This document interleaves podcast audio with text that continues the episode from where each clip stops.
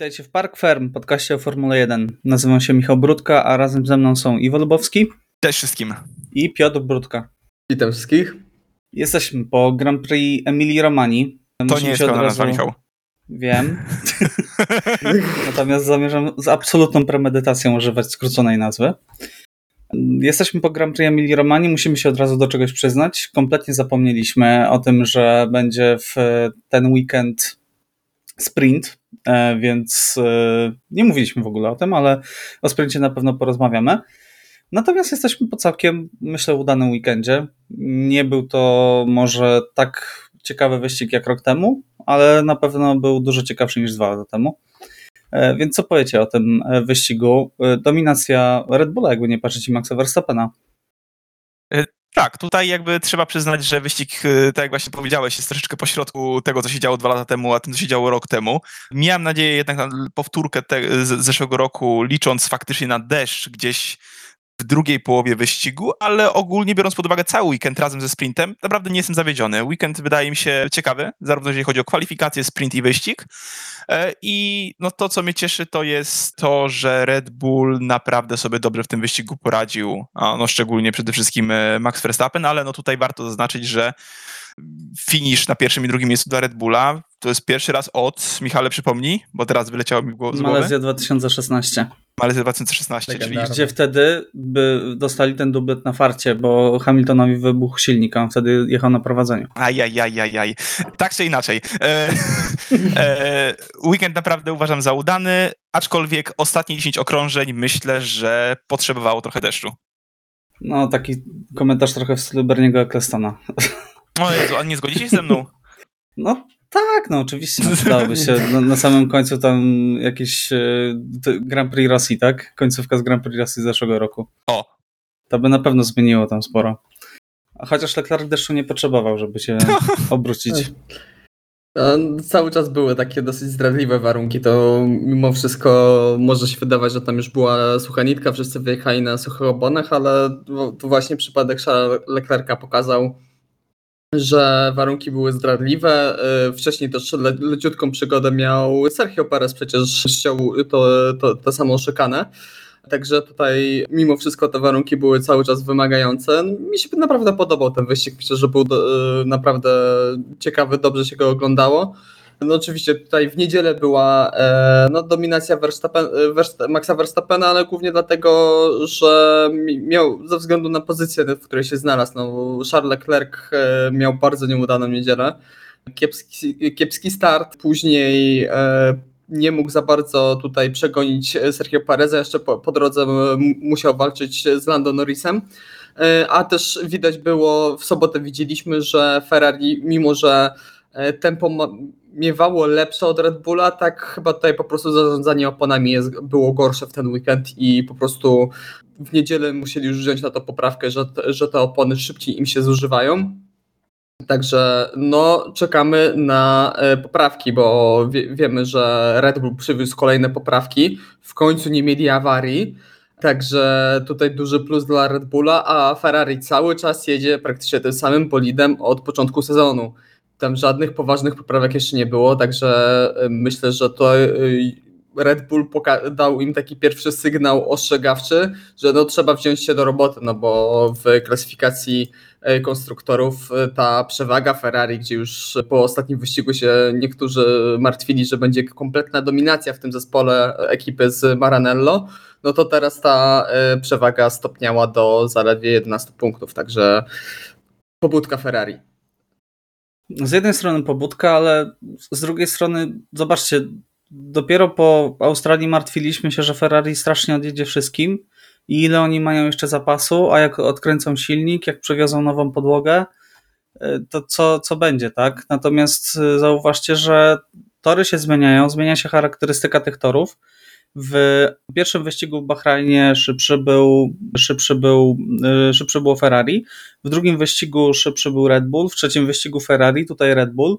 Także na szczęście to dosyć dynamicznie się zmienia I trochę mi to przypomina taki sezon 2007-2008, te lata, kiedy była taka zażarta batalia między McLarenem a Ferrari i też w zależności od charakterystyki toru albo po prostu od formy w dany weekend, te osiągi bolidów tak, w stosunku do siebie mocno, mocno się zmieniały, co dawało nam fantastyczną e, walkę o mistrzostwo. Tak?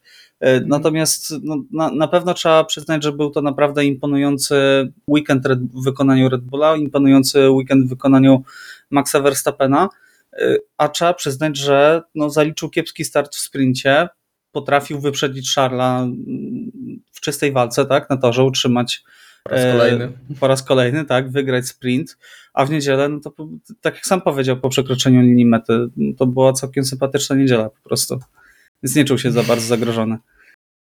Tak, to kompletnie tutaj jedynym kierowcą z Red Bulla, który był zagrożony w tym wyścigu, to był Sergio Perez, który musiał tam walczyć e, z, z Charlesem Leclerciem. E, musiał po, po zjeździe na e, sliki musiał wyprzedzić Charlesa, później po zmianie opon na mieszankę miękką musiał się bronić, no i tam Charles miał naprawdę dobre tempo i możliwe, że gdyby nie ten błąd, to może by stracił tą drugą pozycję, no ale wiadomo, tutaj możemy sobie gdybać, e, Charles Leclerc po prostu popełnił błąd, e, za przycisnął zbyt mocno.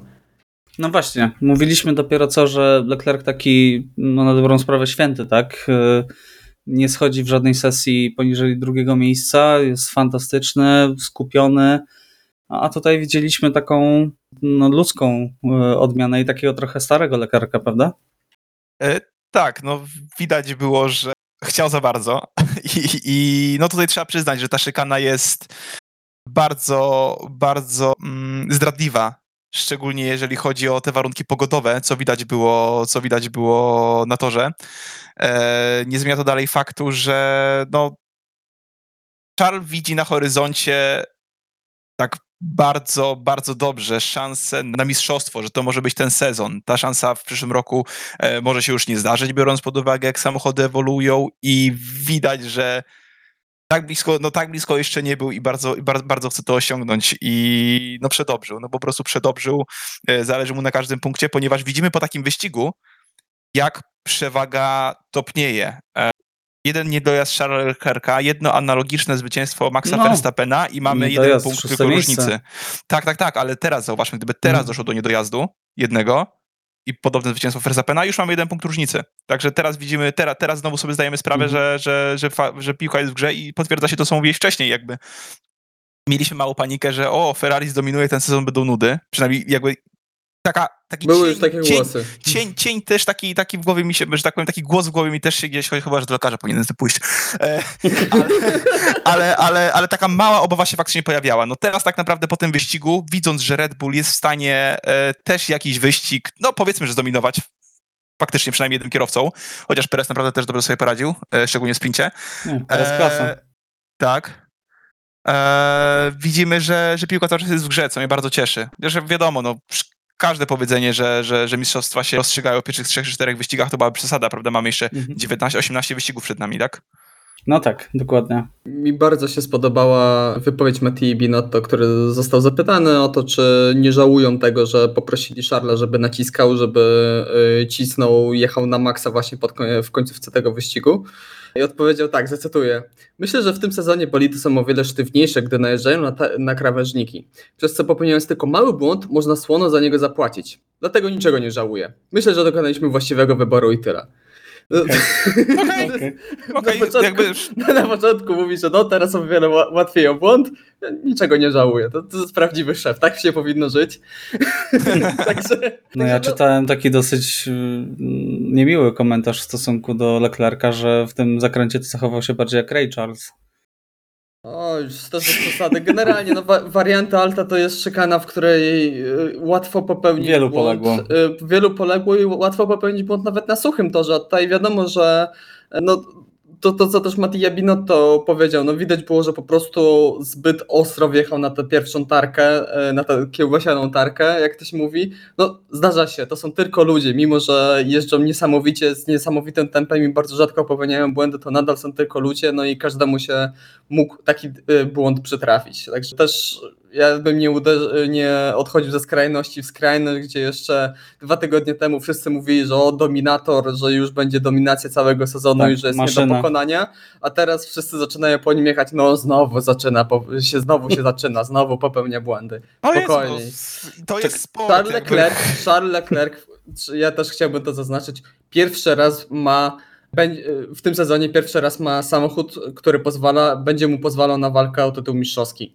Jak to się zakończy, jak się będzie to rozwijało, nie wiadomo, ale to jest pierwszy raz w jego karierze taka sytuacja. Także rok temu w takiej samej sytuacji był y, Max Verstappen. No właśnie miałem powiedzieć, Max że Verstappen- takie déjà mam z zeszłego roku, tylko że z Verstappen, o Verstappenie to samo mówiliśmy. Dokładnie. W zeszłym sezonie Max Verstappen dał radę, udźwignął tę presję. Zobaczymy, jak to się uda Charlesowi, bo no, wielu, naprawdę wielu kierowców, yy, no po prostu im się to nie udawało, że ta pierwsza, pierwszy sezon, kiedy mogli powalczyć o tytuł, no go nie zdobywali, także e, No, zobaczymy. Lewis Hamilton najlepszym przykładem. Dokładnie. No dobrze, słuchajcie, wiecie o kim jeszcze ani słowa nie powiedzieliście, a kogo mi strasznie szkoda? Carlos Sainz. Podpisujesz kontrakt po fatalnym weekendzie, przedłużasz kontrakt o dwa lata, jedziesz na domowy wyścig Ferrari, no i kończysz znowu na pierwszym okrążeniu. Wyobraźcie sobie, jaka teraz presja musi być na e, Carlosie, zwłaszcza, że zawalił kwalifikację, przypominam. Pojechał co prawda świetny sprint, ale, ale nadal. Myślę, że gdyby pojechał normalne kwalifikacje i dojechał, dajmy na to, na trzecim miejscu, no to e, nie, nie, nie znalazłby się w tym miejscu w niedzielę i być może dojechałby do mety. Więc e, no, nieciekawa sytuacja Carlosa, tak? Charles ma punktów 86, on ma punktów 38. No sporo, sporo. Zwłaszcza, że mamy dopiero cztery wyścigi za sobą. szczęściu też trzeba pomóc. Tutaj właśnie to, co powiedziałeś. No, Sz- Carlos Sainz skomplikował sobie bardzo mocno sytuację tą piątkową czasówką. E, oczywiście sprint był wspaniały. W niedzielę był tutaj lekki błąd Daniela Ricciardo, chociaż to też bardziej taki incydent, incydent wyścigowy, wyścigowy. Wjechał y, Daniel na tarkę, troszkę go wywiozło, no i stało się to, co się stało. To nie było jakieś poważne uderzenie. E, Bliźniacza sytuacja była przecież w sprincie pomiędzy Yuki Tsunodą i e, Ganjuzou, także tutaj naprawdę no, miał pecha, oczywiście też mi go szkoda, szczerze powiedziawszy, bo to już drugi weekend, w którym nie kończy wyścigu, to jest naprawdę e, duży cios e, dla samego Carlosa, ale też również dla całego Ferrari, no bo to, co już wcześniej wspomniałem, ta No, widać po konstruktorach. w klasyfikacji konstruktorów ta y, stopniała ta przewaga, także no miejmy nadzieję, że w Miami uda mu się w końcu Zaliczyć odkupić. czysty tę- weekend Dokładnie. Czysty Myślę, weekend bez jakichś, najważniejsze. be, bez jakichś przygód, bez jakichś tutaj y, dzwonów, także trzymam za to kciuki. No dobrze, porozmawialiśmy e, o wyścigu, wspomnieliśmy o sprincie. E, Co sądzicie na temat tego formatu? Jesteśmy po jednym z trzech sprintów, ale już wiemy, że tych sprintów w przyszłym roku ma być więcej. Jak Wam się podoba w ogóle ten system z większą ilością punktów? Czy zauważyliście jakąś, nie wiem, większą determinację wśród kierowców, żeby te punkty e, zdobywać i bardziej ryzykować? Czy to jest nadal takie trochę jechanie na, do, na dojechanie, jak mieliśmy w zeszłym roku?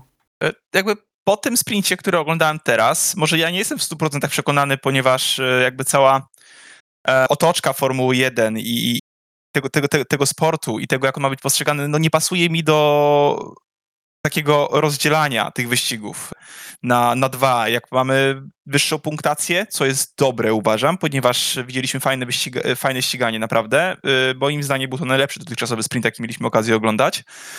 E, Nie zmienia to dalej faktu, że mamy więcej punktów. Istnieje jakaś tam szansa, że kiedyś może będzie troszkę więcej, żeby wzbogacić widowisko, jeszcze ciekawsze, ciekawsze ściganie, a wtedy już to będzie trochę rozdrabnianie się na drobne, mam wrażenie. E, I no wtedy możemy mieć trochę problem, czy to jest drugi wyścig, czy to są kwalifikacje, czy co to tak naprawdę jest. Zobaczymy. Na razie mamy trzy wyścigi, w planie na przyszły rok jest sześć, na co wszystkie zespoły już wyraziły zgodę. I mam pewne wątpliwości co do tego, ale nie zamykam się. Jakby ten split mi się podobał i jakby na dwóm kolejnym na pewno, dasz, na pewno dam szansę.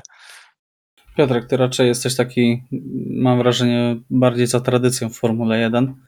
E, Jakie jest twoje zdanie? Może nie tyle za tradycją, tylko, tyle, że po prostu nie podoba mi się format, jak, jak to jest przy- cały czas. Jest troszkę lepiej, ale na dalej daleko mi, daleko moim zdaniem tutaj do jakiegoś optymalnego rozwiązania.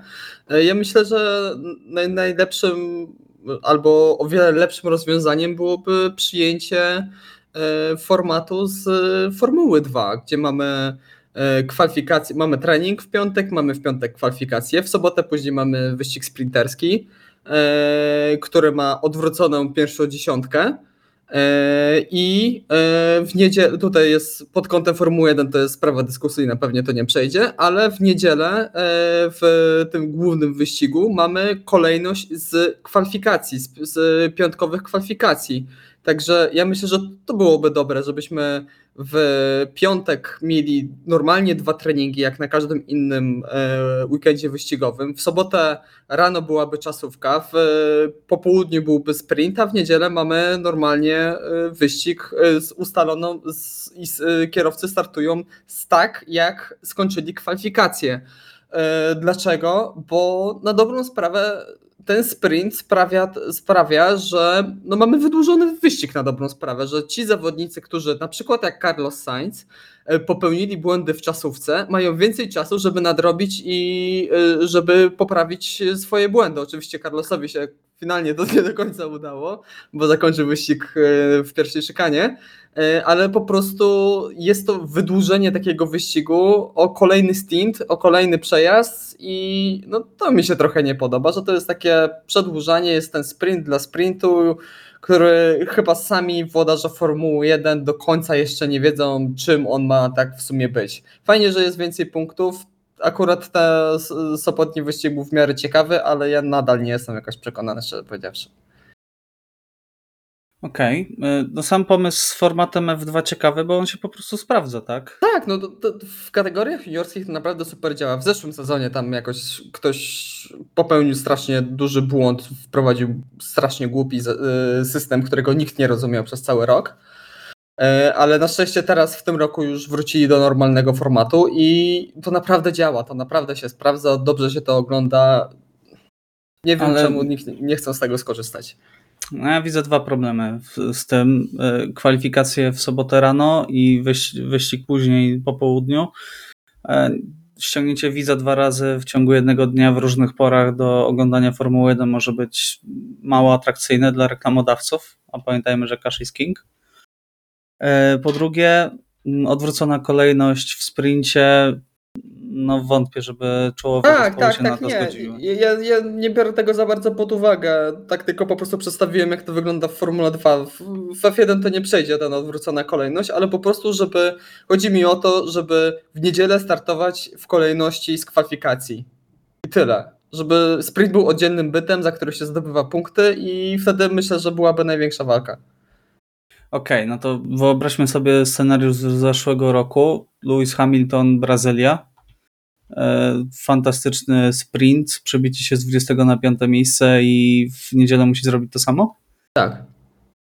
No, tak, a, no tak, a co? Po prostu, no, no, no tak, no bo yy, w Brazylii yy, Lewis Hamilton dostał dodatkowy stint mając kosmiczne tempo, ale dostał po prostu dodatkowy stint, żeby odrobić tę stratę. Tylko tyle. Mhm.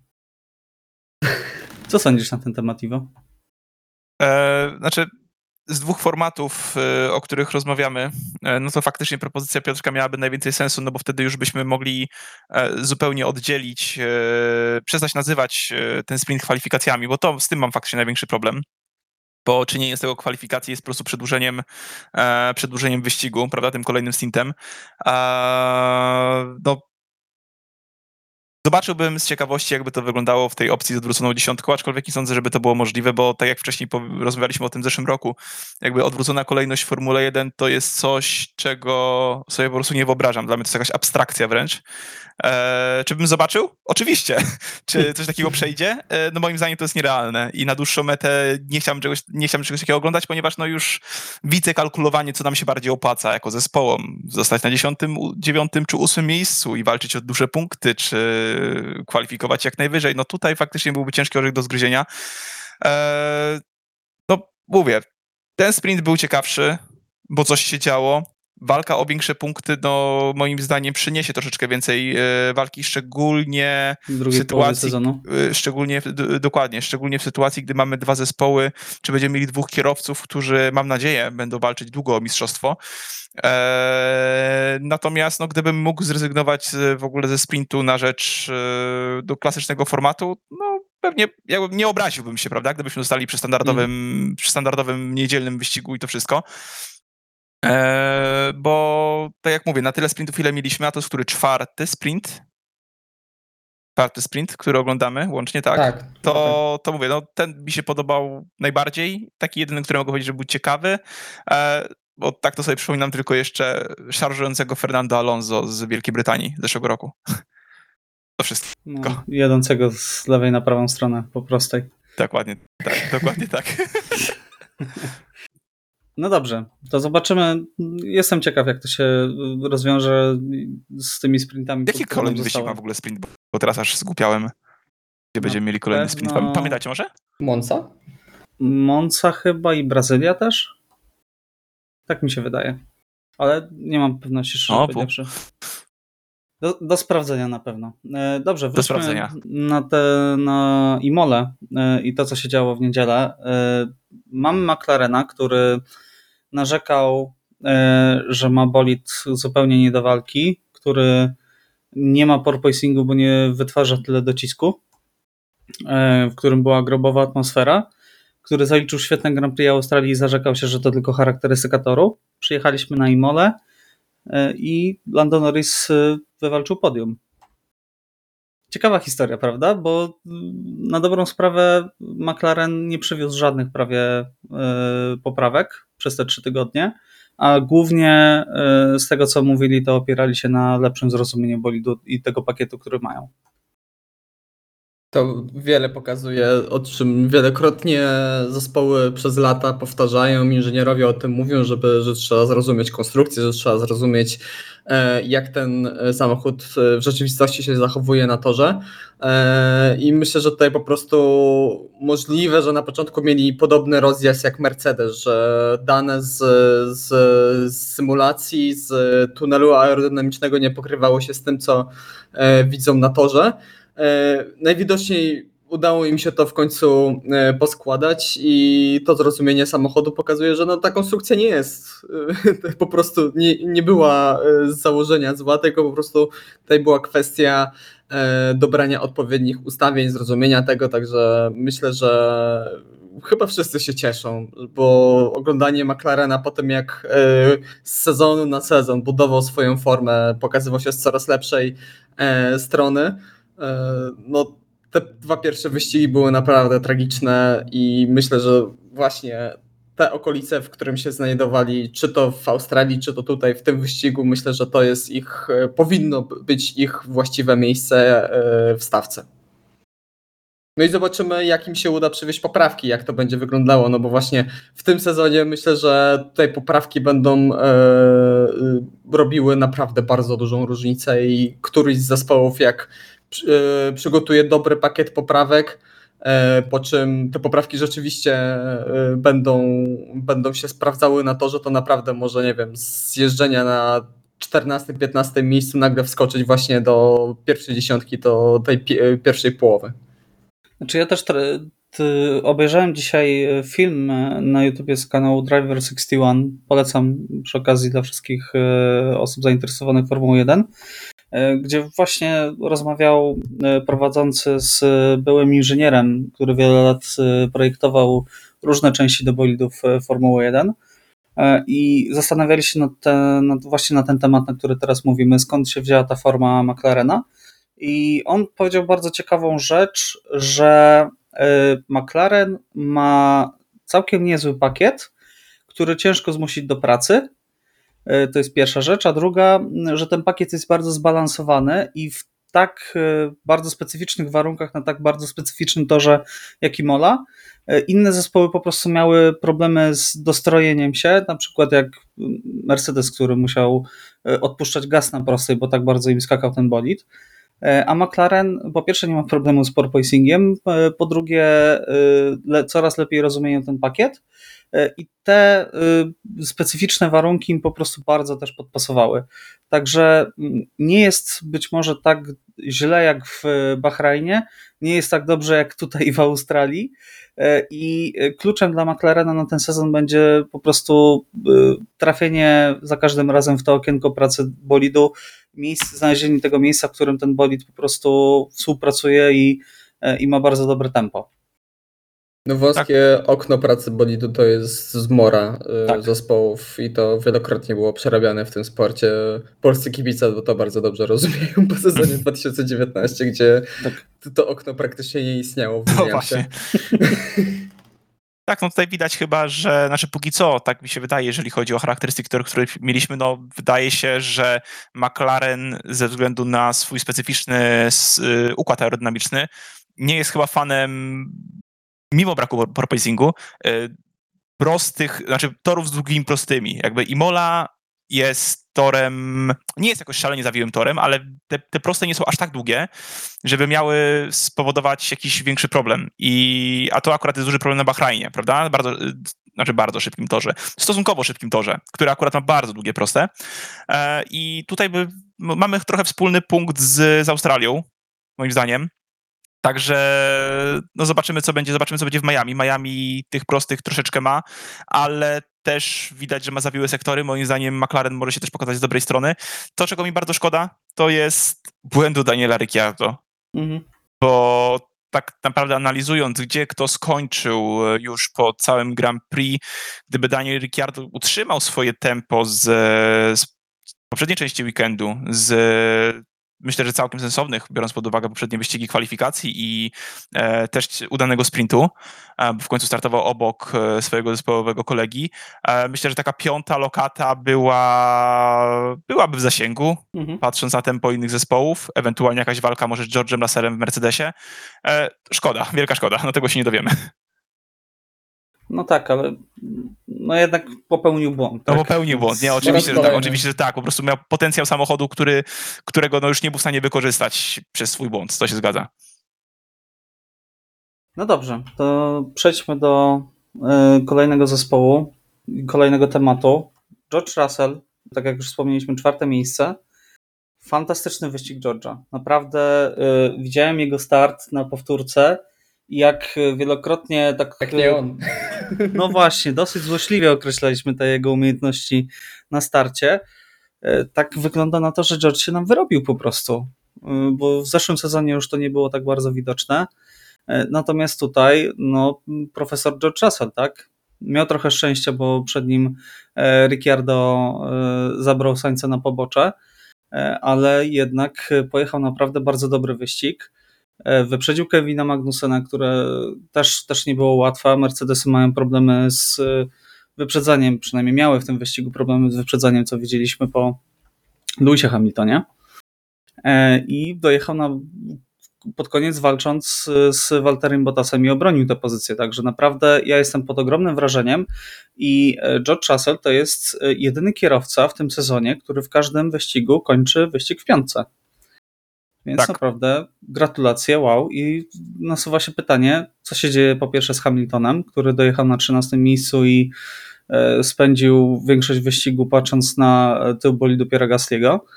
E, I czy możemy tutaj zacząć już mówić, e, tak jak mówimy w przypadku Ferrari, tak, o, Charlesu, czy Russell może przyjmuje tutaj powoli stery w Mercedesie coś, no, czego się wielu raczej nie spodziewało przed tym sezonem? Myślę, że Lewis Hamilton ma zbyt mocną pozycję mimo wszystko w, w Mercedesie, żeby już tutaj po e, no zaledwie czterech wyścigach, e, żeby już tutaj mówić tutaj o jakimś e, zmianie, zmianie na tej pozycji pierwszego kierowcy w Mercedesie. Ale tutaj fakt, w pełni się z Tobą zgadzam, Michał, że no wielki szacunek i czapki z głów przed George'em Russellem, bo pojechał fenomenalny wyścig, naprawdę. E, świetne tempo. E, biorąc pod uwagę ten właśnie porpoising, e, to naprawdę pojechał fenomenalnie. No a Lewis Hamilton, nie wiem, mi się wydaje, może to jest moje złudne wrażenie, ale nie wiem, wydawało mi się, że w momencie, w którym utknął Lewis Hamilton, to mniej więcej jakoś tak już nawet w, w, pierwszej fazie wyścigu kompletnie nie było przekonania, nawet w tych jego próbach wyprzedzania Pierre Gasly'ego, to nie było jakiejś takiej zawziętości, nie było tam jakiegoś chociaż minimalnego zaryzykowania. No, po prostu zamykam mu wewnętrzną, no to okej, okay, dobra, no to nie opóźnię hamowania, nie spróbuję czegoś innego, nie spróbuję wcześniej wejść na wewnętrzną, no jakoś tak strasznie Anemicznie. E, anemicznie, wydaje mi się, jechał e, Lewis Hamilton. No a wiemy, że Lewis akurat potrafi agresywnie jechać, kto jak kto. Także... No, z jednej strony potrafi, ale kiedy ostatni raz musiał tak jeździć? Kiedy on no, ostatni raz y, jechał bolidem o zbliżonych możliwościach jak większej stawki i musiał się przebijać? 2012? 12? No chyba wtedy, tak. tak Także... tak, przed Mercedesem. Znaczy, no właśnie. Ewentualnie pierwszy sezon Pierwszy sezon w Mercedesie, tak. Tak. I to, to tyle, no rzeczywiście. E, a e, już pojawiały się takie komentarze, że tutaj e, u George'a procentuje doświadczenie przez te lata jeżdżenia taczką Williamsa. I jakkolwiek by to śmieszne nie było, to coś w tym może być. Po prostu George Russell dostaje bolid taki, jaki dostaje. On nie jest idealny, on nie jest dopieszczony, nie jest dominujący. Dostaje to, co to dostaje, no i stara się wycisnąć z tego y, maksimum. A wydaje mi się, że Lewis Hamilton po tym, jak y, po raz kolejny, on sam też o tym mówił w wywiadzie, że po, po wyścigu, że spędził bardzo dużo czasu w fabryce, że w fabryce e, przy, wykonano bardzo dobrą pracę, przyjechał tutaj i nie było tego, nie, widać, nie było widać tego w ogóle efektu w tej pracy.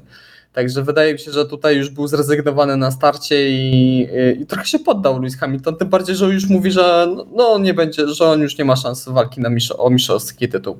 No, no to tutaj... samo to to mówi. I trudno się dziwić, on na razie nie ma żadnych przesłanek, tak? Tym bardziej, że Mercedes nie ma ani jednej wypowiedzi, że Mercedes, w której Mercedes by zasygnalizował, ok, wiemy, yy, gdzie jest nasz pro problem z porpoisingiem, bo to jest ich największy problem, ten no, porpoising. No, to to powiedział, że przywiozą dwa pakiety, no, dwa najbliższe wyścigi yy, i mają nadzieję, że się pozbędą problemu z porpoisingiem. Dokładnie nie powiedział, co przywiozą i w jaki sposób zamierzają się tych problemów pozbyć. E, więc no, ciekaw jestem, na ile to jest tak, takie tak, tylko, że życzeniowe myślenie. Tak, tylko że wiesz co, wydaje mi się, że trochę, nie wiem, może tak odczytałem tę wypowiedź Toto Wolfa, że y, oczywiście powiedział o tych y, poprawkach, tylko że wydaje mi się, że w kontekście tych poprawek bardziej to naciskał na to, że zwiększy się ich tempo, a nie było y, powiedziane, że no to są poprawki, które są stricte nacelowane po to, żeby pozbyć się tego porpoisingu, także no zobaczymy. No to ja bo... chyba inną, inną wypowiedź czytałem, Może. bo y, w mojej wypowiedzi to to powiedział że, i to bardzo ciekawe rzeczy powiedział. E, powiedział po pierwsze, że chcą się pozbyć porpoisingu, bo porpoising blokuje im całe y, dobroci pakietu, e, który zbudowali. Jeżeli te dwie poprawki e, nie przyniosą rezultatów, to będą musieli myśleć nad zmianą koncepcji w ogóle bolidu. Tak, no bo mi się bo tutaj problem jest, zaczyna być też z innej strony. To już e, wpływa fizycznie na kierowców. George Russell po tym wyścigu się skarżył, że już to nie tylko są bóle pleców, ale też te bóle pleców mu przechodzą, że w trakcie, pod koniec wyścigu zaczęła go też klatka piersiowa boleć, tak bardzo ten, w tym bolidzie telepało, także mhm. to naprawdę Mercedes musi się wziąć, bo za, za robotę i jakoś rozwiązać ten problem, żeby nie było zaraz sytuacji, że któryś z kierowców po prostu wypadnie, bo będzie kontuzjowany. No, taka sytuacja trochę jak z piłki nożnej, a nie z Formuły 1, ale szczerze powiedziawszy, ja nie wykluczam, jeżeli nie poprawią tego błędu i oni cały czas będą tak się gibać góra-dół, e, to ja szczerze powiedziawszy nie wykluczam nawet takiego skrajnego scenariusza. No dobrze, że nie mamy zaraz jakiegoś potrójnego weekendu, tak? Że tak powiem, trzy, trzy weekendy jeden po drugim. Podwójna tak Monca.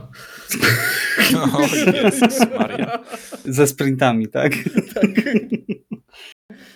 No, wydaje no. mi się, że George Russell może mieć nadzieję, żeby Azerbejdżan w tym roku się nie odbył. O, to może być chyba najbardziej szalony wyścig dla Mercedesa, biorąc pod uwagę aktu aktualny porpoising tego samochodu. E, no jeszcze ale... George tam ma niedokończone poradniki tak. z Ze studzienką. ze studzienką. Nie. O nie, ale oni w tym roku o wiele niżej jeżdżą, także nie, nie, nawet nie chcę sobie tego wyobrażać. Nie zmienia to faktu, tak podsumowując faktycznie, że George naprawdę imponuje tempem i jakby już po Bahrajnie widać było, że jest w stanie równo jechać. Tam był problem chyba z twardymi oponami, z tego co pamiętam, prawda, u kierowców Mercedesa, ale mimo tego widać było, jak równo, je, jak równo jeżdżą. No do tej pory ten poziom zachował już tylko George. E, szkoda w sumie, szczerze mówiąc, że nie widzimy Luisa gdzieś tam w tej walce wyżej, bo jednak, tak jak powiedziałeś chyba tydzień, dwa tygodnie temu, Michał, e, no to nie jest miejsce, na którym chcemy widzieć siedmiokrotnego mistrza świata. No bo nie chcemy. No ja bym tam chciał... Christian Horner się przejęzyczył w jednej z wypowiedzi e, i powiedział ośmiokrotny.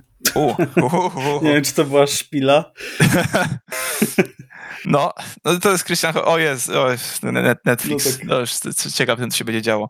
Eee, I smutne wywiady. Ale, ale no, mam nadzieję, że się włączą jeszcze do walki. W sensie wydaje mi się, że to nie jest ostatnie, osa, ostat, ostatni wyścig, w sensie y, Australia, wcześniejszy wyścig, to nie był na pewno ostatni podium dla George'a Russella, no bo przy tym tempie wydaje mi się, że będzie w stanie skorzystać naprawdę z wielu okazji jeszcze, które mogą się pojawić, szczególnie kiedy dojdzie do jakiejś bardziej zażartej walki między Red Bullem a Ferrari. Eee, natomiast no tak, liczę, żeby Hamilton się włączył do tej walki, liczę, że ogarnął swoje auto i no oby nie było za późno na jakąkolwiek szansę i, i cień szansy, żeby jeszcze jakieś mocne punkty ugryźć. No, zwłaszcza, że mieliśmy taką dosyć e, symboliczną scenę, kiedy Verstappen dublował Hamiltona. I jeszcze ta grafika pokazująca, że Louis straci do Verstappena 77 sekund, no to było już takie trochę poniżej pasa, nie? A, dobra, jakby... Dla mnie, dla mnie najgorsza to była ta komunikat radiowy po wyścigu. A, przepraszanie To przepraszanie Hamiltona, tak. Louisa No to tylko Hamiltona. pokazuje, że jaką pozycję ma Tak. e, Hamilton w Mercedesie, że zamiast gratulować czwartego miejsca Russellowi, przeprasza Hamiltona za to, że on 13 zajął. Ale przynajmniej teraz jakby biorąc pod uwagę, że George Russell w tym momencie prowadzi e, bardzo, bardzo, bar- bardzo sensowną ilością punktów nad Lewisem Hamiltonem, e, no nie mam chyba tej wątpliwości, że jakiś bolid jest równy czy równiejszy. Tak mi się przynajmniej wydaje. A raczej nie spodziewamy się, żeby to George Russell jeździł bolidem lepszym. Czyli mówi, że bolidy No. są równe. Tak, teraz jestem w stanie myślę powiedzieć z ręką na sercu, gdzie mamy siedmiokrotnego mistrza świata e, i pupilka całego zespołu.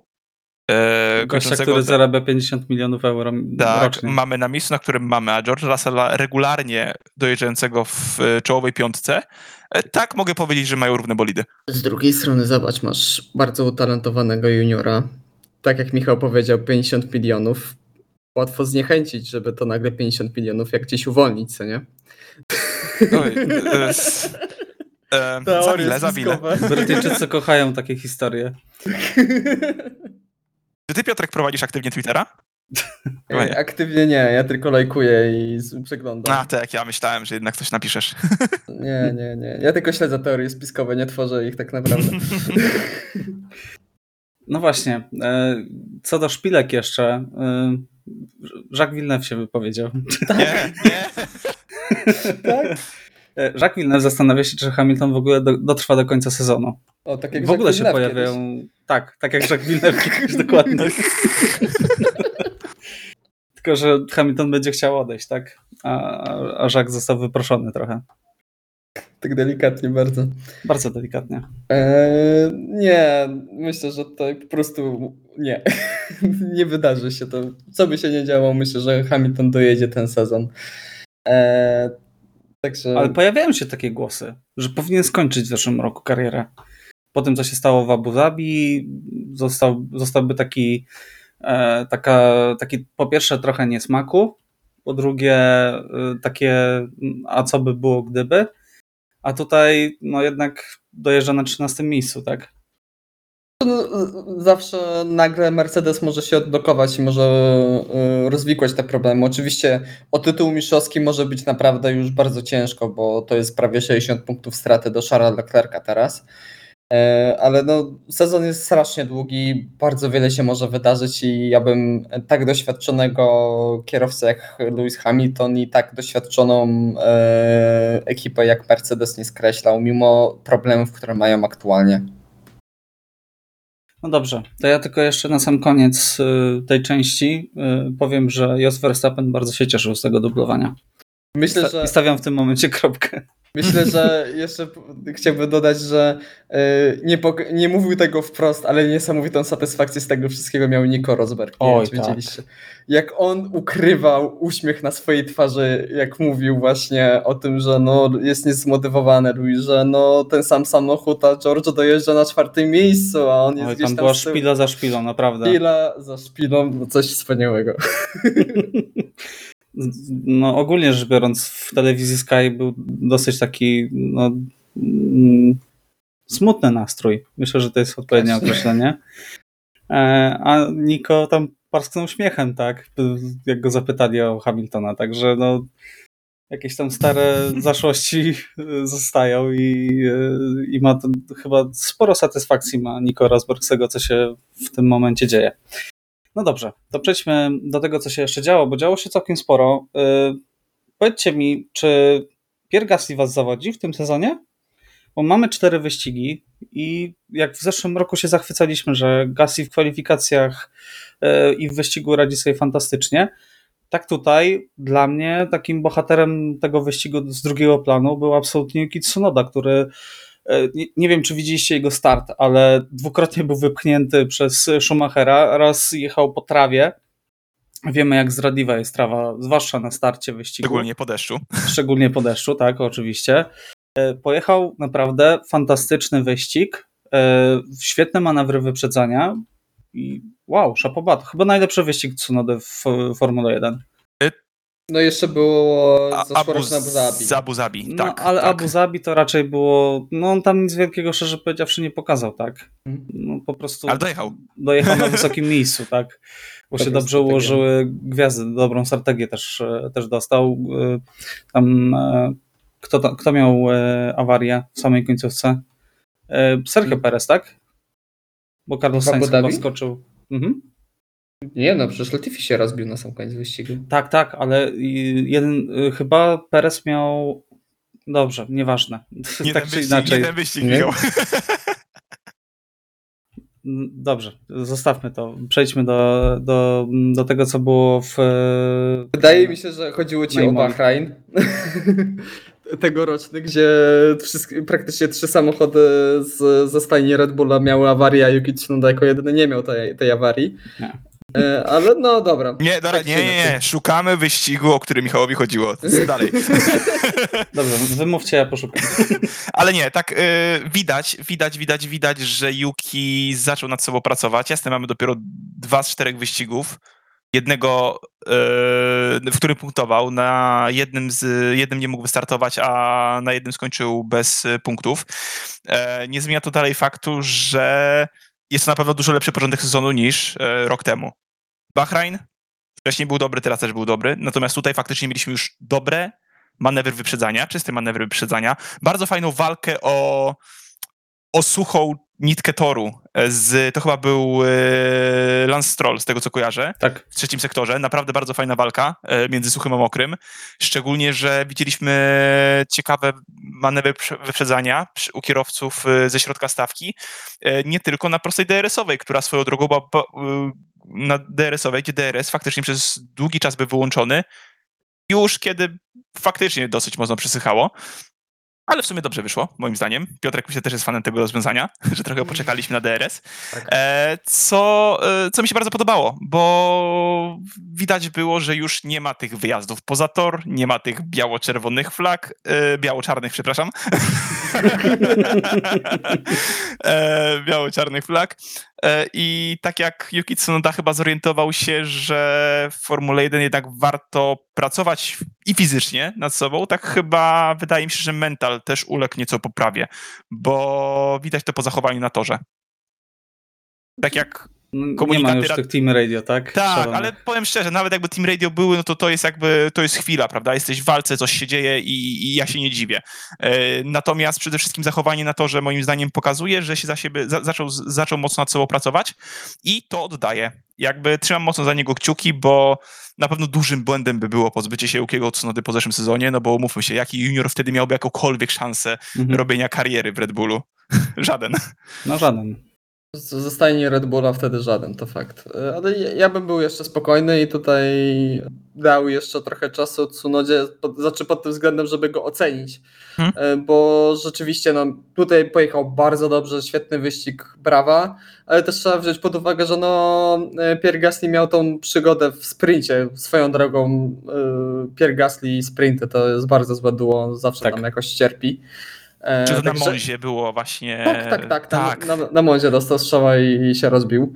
E, także tutaj naprawdę e, bardzo dobry wyścig. E, W Bahrajnie głównie zyskał na tym, że właśnie trzy samochody Red Bulla e, nie skończyły wyścigu. Znaczy, no, dokładnie dwa Red Bulla, jeden Alfa Tauri, ale wiadomo. Mm. E, także zobaczymy, jak to będzie wyglądało. Ja bym jeszcze nie skreślał i nie, nie jestem z, zawiedziony, szczerze powiedziawszy, Pierrem Gaslim. Może po prostu Alfa Tauri też do końca jeszcze nie zastraiła tego samochodu, bo też generalnie ten bolid nie ma jakiegoś fantastycznego tempa, szczerze powiedziawszy. No jest trochę rozczarowaniem. Na Trochę pewno nie są tak. tak mocni jak w zeszłym roku. Także, także no, no, no zobaczymy. Yy, Też tak na obronę Yukiego yy, trzeba wziąć pod uwagę, co myślę bardzo dużo osób w ogóle lekceważy, że to jest jego tak na dobrą sprawę yy, czwarty sezon powiedzmy w Europie. Wcześniej jeździł tylko i wyłącznie w seriach azjatyckich, a to też jest zawsze dla kierowców właśnie e, czy to właśnie z Japonii, czy z dalekiego, generalnie dalekiego wschodu, czy Australii, ten przeskok e, z tamtejszych serii do tych europejskich no jest e, dużym krokiem i wielu kierowców właśnie jest, dla wielu kierowców jest to zbyt duży krok, zbyt e, duża zmiana, żeby się zaklimatyzować, a Yuki mimo wszystko daje radę, także naprawdę e, trzymam kciuki oby więcej takich rezultatów jak, e, jak w ostatnim wyścigu. Dobrze, to ja tylko przypomnę, że w Grand Prix Abu Zabi w zeszłym roku, trzy okrążenia przed końcem, Sergio Perez miał awarię, dzięki czemu y, Sainz skoczył na podium, a Tsunoda na czwarte miejsce. O to mi chodziło. Okej, okay. jakoś kompletnie mi to wypadło z głowy, Hmm. No możliwe, że coś się stało jeszcze pod koniec Grand Prix Abu Zabi, co bardziej ci zapadło w pamięć. No, no, no, no. Dobrze, y, to przechodzimy do kolejnego tematu. W zeszłym odcinku mówiliśmy, że Aston Martin najgorszym zespołem w stawce, a tutaj podwójne punkty. Co to się wydarzyło, panowie? I czemu tak jesteśmy fatalni w przewidywaniu? E, A czemu Deszcz. nagle McLaren był? Czemu McLaren nagle był na podium? Czemu No McLaren właśnie. jest czwarty w konstruktorach? No, Dlaczego Leclerc nie przejechał szykany? Ja myślę dlatego, że mamy po prostu fantastyczny sezon, tak? Tak, mamy końcu- po czterech wyścigach już wszystkie zespoły punktowały. To jest e, no, rzecz, której po pierwsze nie mieliśmy od e, sezonu 2019, żeby wszystkie zespoły punktowały. Natomiast no, tutaj mamy to już po czterech wyścigach, tak? Także tutaj naprawdę rozpieszczają nas. I, i szczerze powiedziawszy, naprawdę fajnie było widzieć e, Sebastiana Vettela e, w punktowanych e, miejscach i, i traktował to, sam powiedział, że traktował to jak zwycięstwo. może w końcu nazwie ten bolid, na- nada mu nazwę, jakieś imię. Jeszcze No, chwila. myślę, że jeszcze musi poczekać. trochę. Tak, no myślę, że ten bolid nadal pozostawia bardzo dużo do życzenia. No, Oczywiście to nie jest e, bliźniacza sytuacja, to jest bliźniacza sytuacja właśnie jak z McLarenem, że te pierwsze dwa wyścigi były naprawdę fatalne w ich wykonaniu, mieli tragiczne tempo. E, No ale tutaj im dalej, im dalej w las, to tym bardziej się okazuje, że no, ten, ten bolid nie jest taką kompletną powiedzmy taczką, że to nie jest e, najgorszy kompletnie zespół, który by, nie wiem, odstawał na sekundę od wszystkich innych, jak to mieliśmy właśnie przez ostatnie e, trzy sezony na dobrą sprawę w Formule 1. Także myślę, że e, z jednej strony naprawdę świetny sezon nam się szykuje właśnie w tej powiedzmy formule półtora, po, czyli wszyscy poza Ferrari i Red Bullem.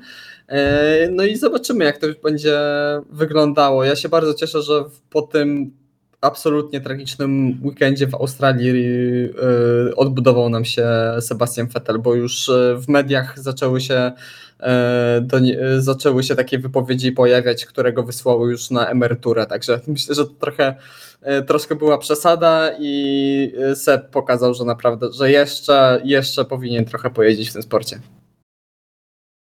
Okej. Okay. Iwo, chciałbyś coś dodać do tego?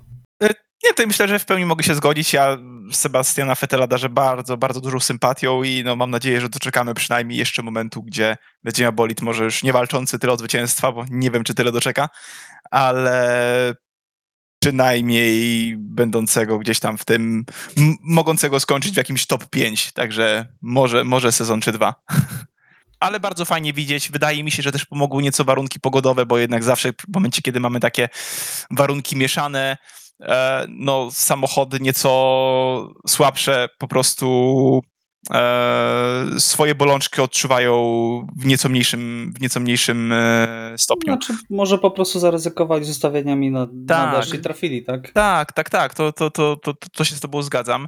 E, aczkolwiek zawsze te warunki są troszeczkę bardziej litościwe. No, przypomnijmy sobie nawet jak, chyba nawet Sebastiana Vettela w Ferrari, który bardzo długo bronił się, przynajmniej tak pamiętam, przed Hamiltonem w Turcji. Hmm taki wyścig, jakby też miał samochód dużo gorszy i też był w stanie dużo, mm -hmm. też był w stanie naprawdę dużo znieść, e, więc warunki na pewno zrobiły swoje, natomiast mam nadzieję, że, że to się jeszcze powtórzy w tym sezonie.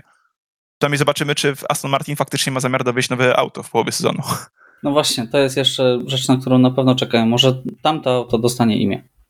Może taki jest plan Sebastiana Vettela. Tak. E, a jeszcze powiedziałeś, że e, darzysz Sebastiana Vettela sympatią. Miałem ci w tym momencie przerwać i powiedzieć, a kto nie darzy?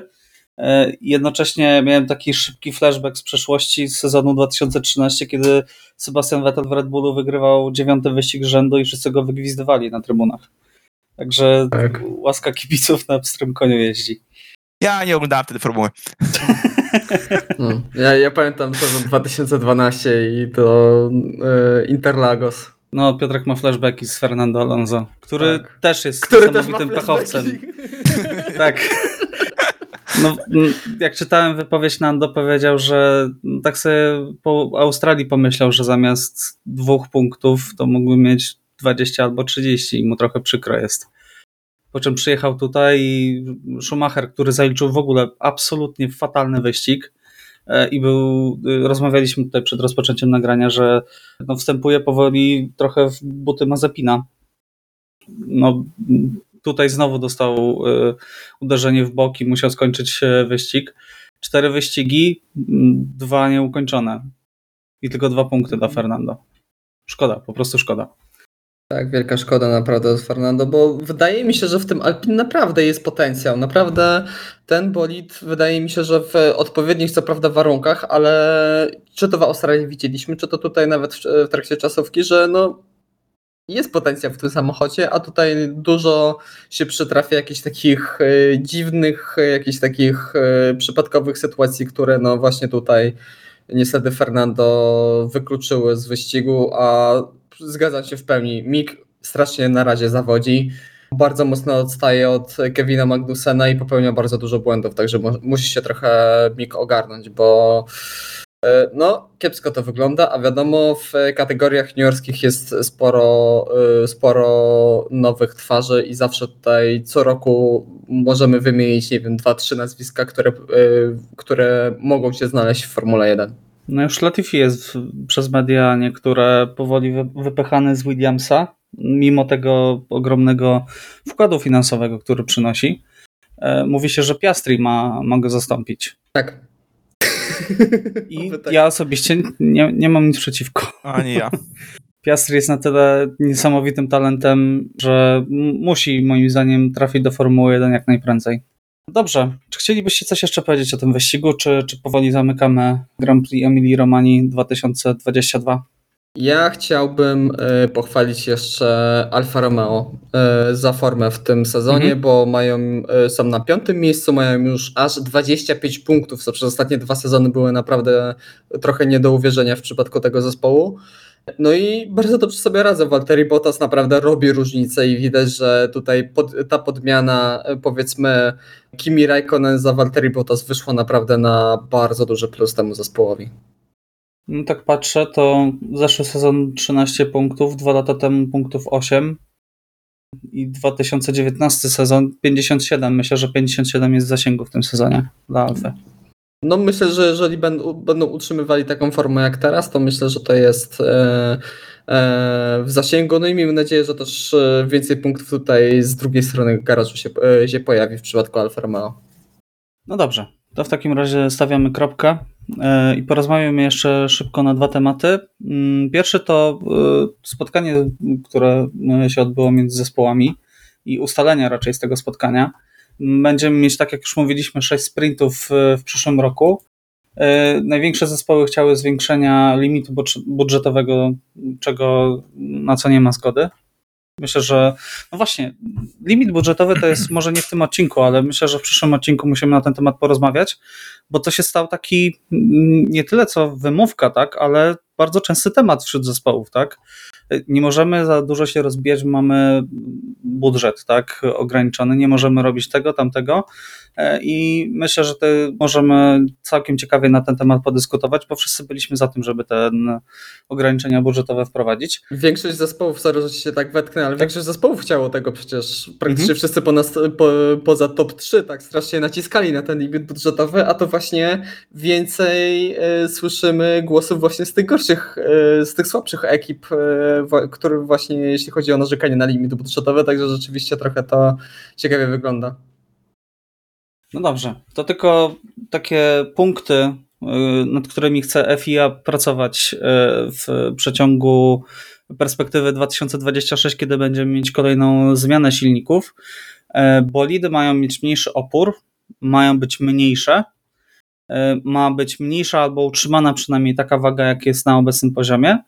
E, ma być oczywiście dalsza poprawa jazdy za innymi samochodami. E, bezpieczeństwo też ma być oczywiście polepszone i więcej standardowych lub uproszczonych komponentów. Piotrek, co sądzisz na ten temat? Zmiany w dobrym kierunku? Rzecz powiedziawszy, praktycznie pod każdym jednym tym punktem bym się podpisał. Zmniejszyć rozmiary bolidów, zmniejszyć ich wagę, czy zmniejszyć e, tutaj docisk. E, no tutaj jest powiedzmy sprawa powiedzmy filozoficzna, tutaj bardziej e, można się nad tym zastanawiać. Ja bym jeszcze dodał, żeby bolidy były głośniejsze. Bo WRC pokazało, że można zrobić dobrze brzmiącą hybrydę. E, I ja szczerze powiedziawszy, e, chciałbym, żeby to szło w tym kierunku e, i oby jak najwięcej z tych punktów udało się, udało się zrealizować, w szczególności masa, bo te bolidy są niebotycznie ciężkie. Naprawdę mhm. one są za ciężkie i to widać gołym okiem. Okej, okay. Iwo, jakie jest Twoje zdanie? E, ja się w pełni zgadzam. Przede wszystkim waga, waga wagą, bo jakby myślę, że za zmniejszeniem, za zmniejszeniem rozmiaru szłaby też e, zmniejszenie wagi. Niekoniecznie, ale może to pójdzie w parze. Ale tak jak właśnie Piotrek mówi, że samochody są zdecydowanie za ciężkie, to to druga rzecz, którą widzimy, szczególnie na części torów, te, te samochody są zdecydowanie za duże. Także e, no, to są rzeczy, no, które... Mniejsze bolidy pozwoliłyby na ściganie się na przykład na Monako. Tak. Na przykład, dokładnie. No myślę, że tego już w takim stopniu nie zobaczymy, bo do takich rozmiarów małych raczej już nie wrócimy nigdy. Nie zabijaj ale... moich marzeń ale pewne odchudzenie, pewnie, pewne odchudzenie tych samochodów, trochę ociosanie ich, można powiedzieć, to, to by się na pewno przydało. No już tam, wiesz, no, ciosają mocno, tylko że farbę na razie. Tylko, że farbę, dokładnie. No szczerze powiedziawszy, jak się pozbędziemy MGUH, to myślę, że już tutaj dosyć sporo wagi powinno mhm. zostać, e, powinno zejść z tych bolidów. Miejmy nadzieję, że będzie więcej takich cięć i no wiadomo, że nie wrócimy do tych czasów sprzed dwudziestu paru lat, gdzie te bolidy były bardzo lekkie, bardzo, bardzo zwinne, e, ale tutaj myślę, że jak tylko da się e, zaoszczędzić tę wagę, tym powinniśmy iść w tę stronę. Bo, okay. to też, bo to, też y, to też działa na, na uczucia kierowców, że te bolidy są właśnie bardziej, wiele kierowców to podkreśla, że te starsze bolidy wywołują też w kierowcach takie o wiele większe emocje, bo właśnie one są o wiele bardziej zwinne, o wiele bardziej żywe y, i dają zupełnie inne odczucie z jazdy niż właśnie te współczesne y, maszyny, które są niesamowicie szybkie, no ale są dosyć ociężałe w wolnych zakrętach. No dobrze, to w takim razie tylko jeszcze tak szybciutko dodam, że będzie mniej kompletów yy, slików na, na przysz, przyszły sezon. Yy, zamiast 13 kompletów na weekend yy, będą miały zespoły do dyspozycji 11. Ciężko myślę, że coś powiedzieć więcej na ten temat. Zobaczymy, jak to wyjdzie w praniu. Natomiast bardzo fajna zmiana. Będą już obowiązkowe od przyszłego roku kamery w kaskach co ja jestem absolutnie tak, fanem tego super, rozwiązania. To super, jest super, fantastyczne. i mam nadzieję, że to zagości, że może jeszcze te kamery będą miały jakąś troszeczkę lepszą stabilizację. I mam nadzieję, można... że będzie można je wybrać w F1 TV. Oj tak. Bezpośrednio. To, to by było już w ogóle coś fantastycznego. No dobrze, to przechodząc szybko, bo już nam godzina e, stuknęła e, gadania. E, Grand Prix Miami. Jakie są Wasze przewidywania? Czego się spodziewacie? Ja ch chcę zobaczyć tą sztuczną zatokę, gdzie po co na kilka tysięcy. Nie, to jest po prostu hit dla mnie. To jest, to jest po prostu bardziej amerykańskich rzeczy nie można było wymyśleć.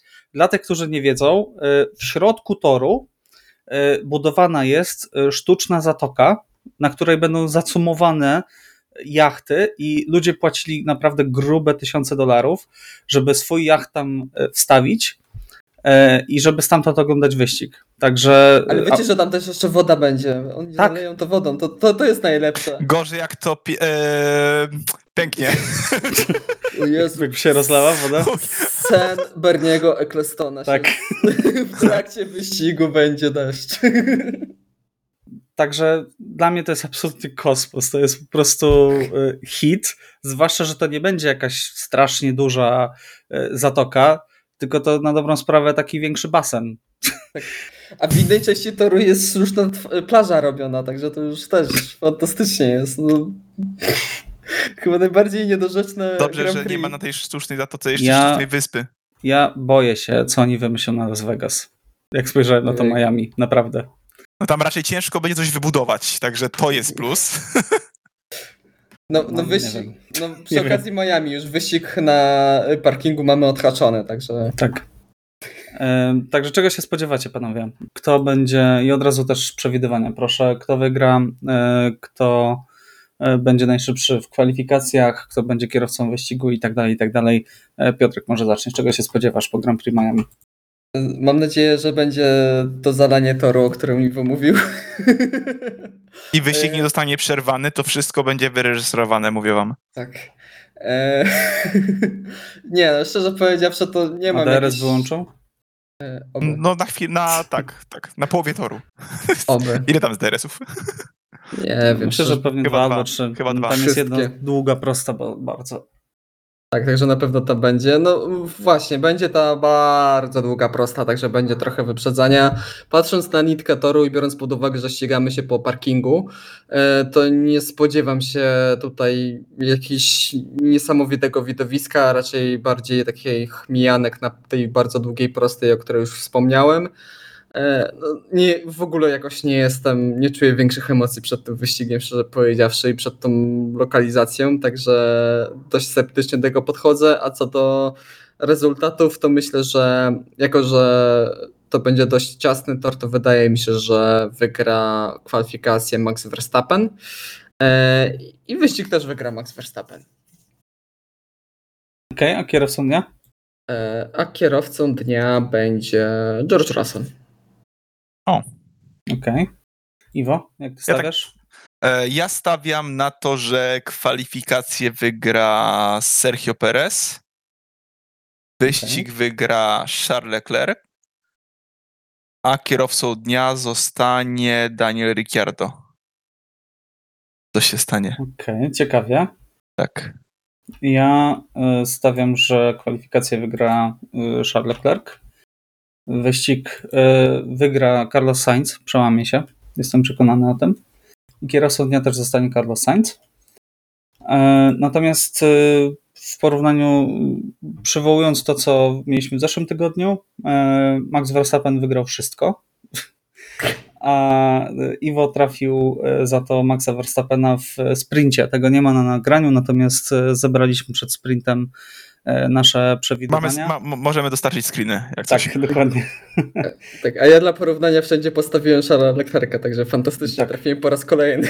No, ja nie powinienem się przyznawać, ale mówiłem, że Hamilton wygra ten wyścig, także... No, liczyłem na to, że będzie deszcz i że sobie w tym deszczu poradzi, ale widać, tam przeliczyłem się mocno. Y, no dobrze, to dziękujemy Wam w takim razie za uwagę. Liczymy na to, że wyścig po parkingu wokół y, fantastycznej zatoki będzie pełen emocji i przyniesie nam naprawdę masę dobrego ścigania. Natomiast o Grand Prix Emilii Romani rozmawiali Iwo Lubowski. Dzięki, do usłyszenia. Piotr Brudka. Dzięki wielkie, cześć. I Michał Brudka, trzymajcie się, cześć.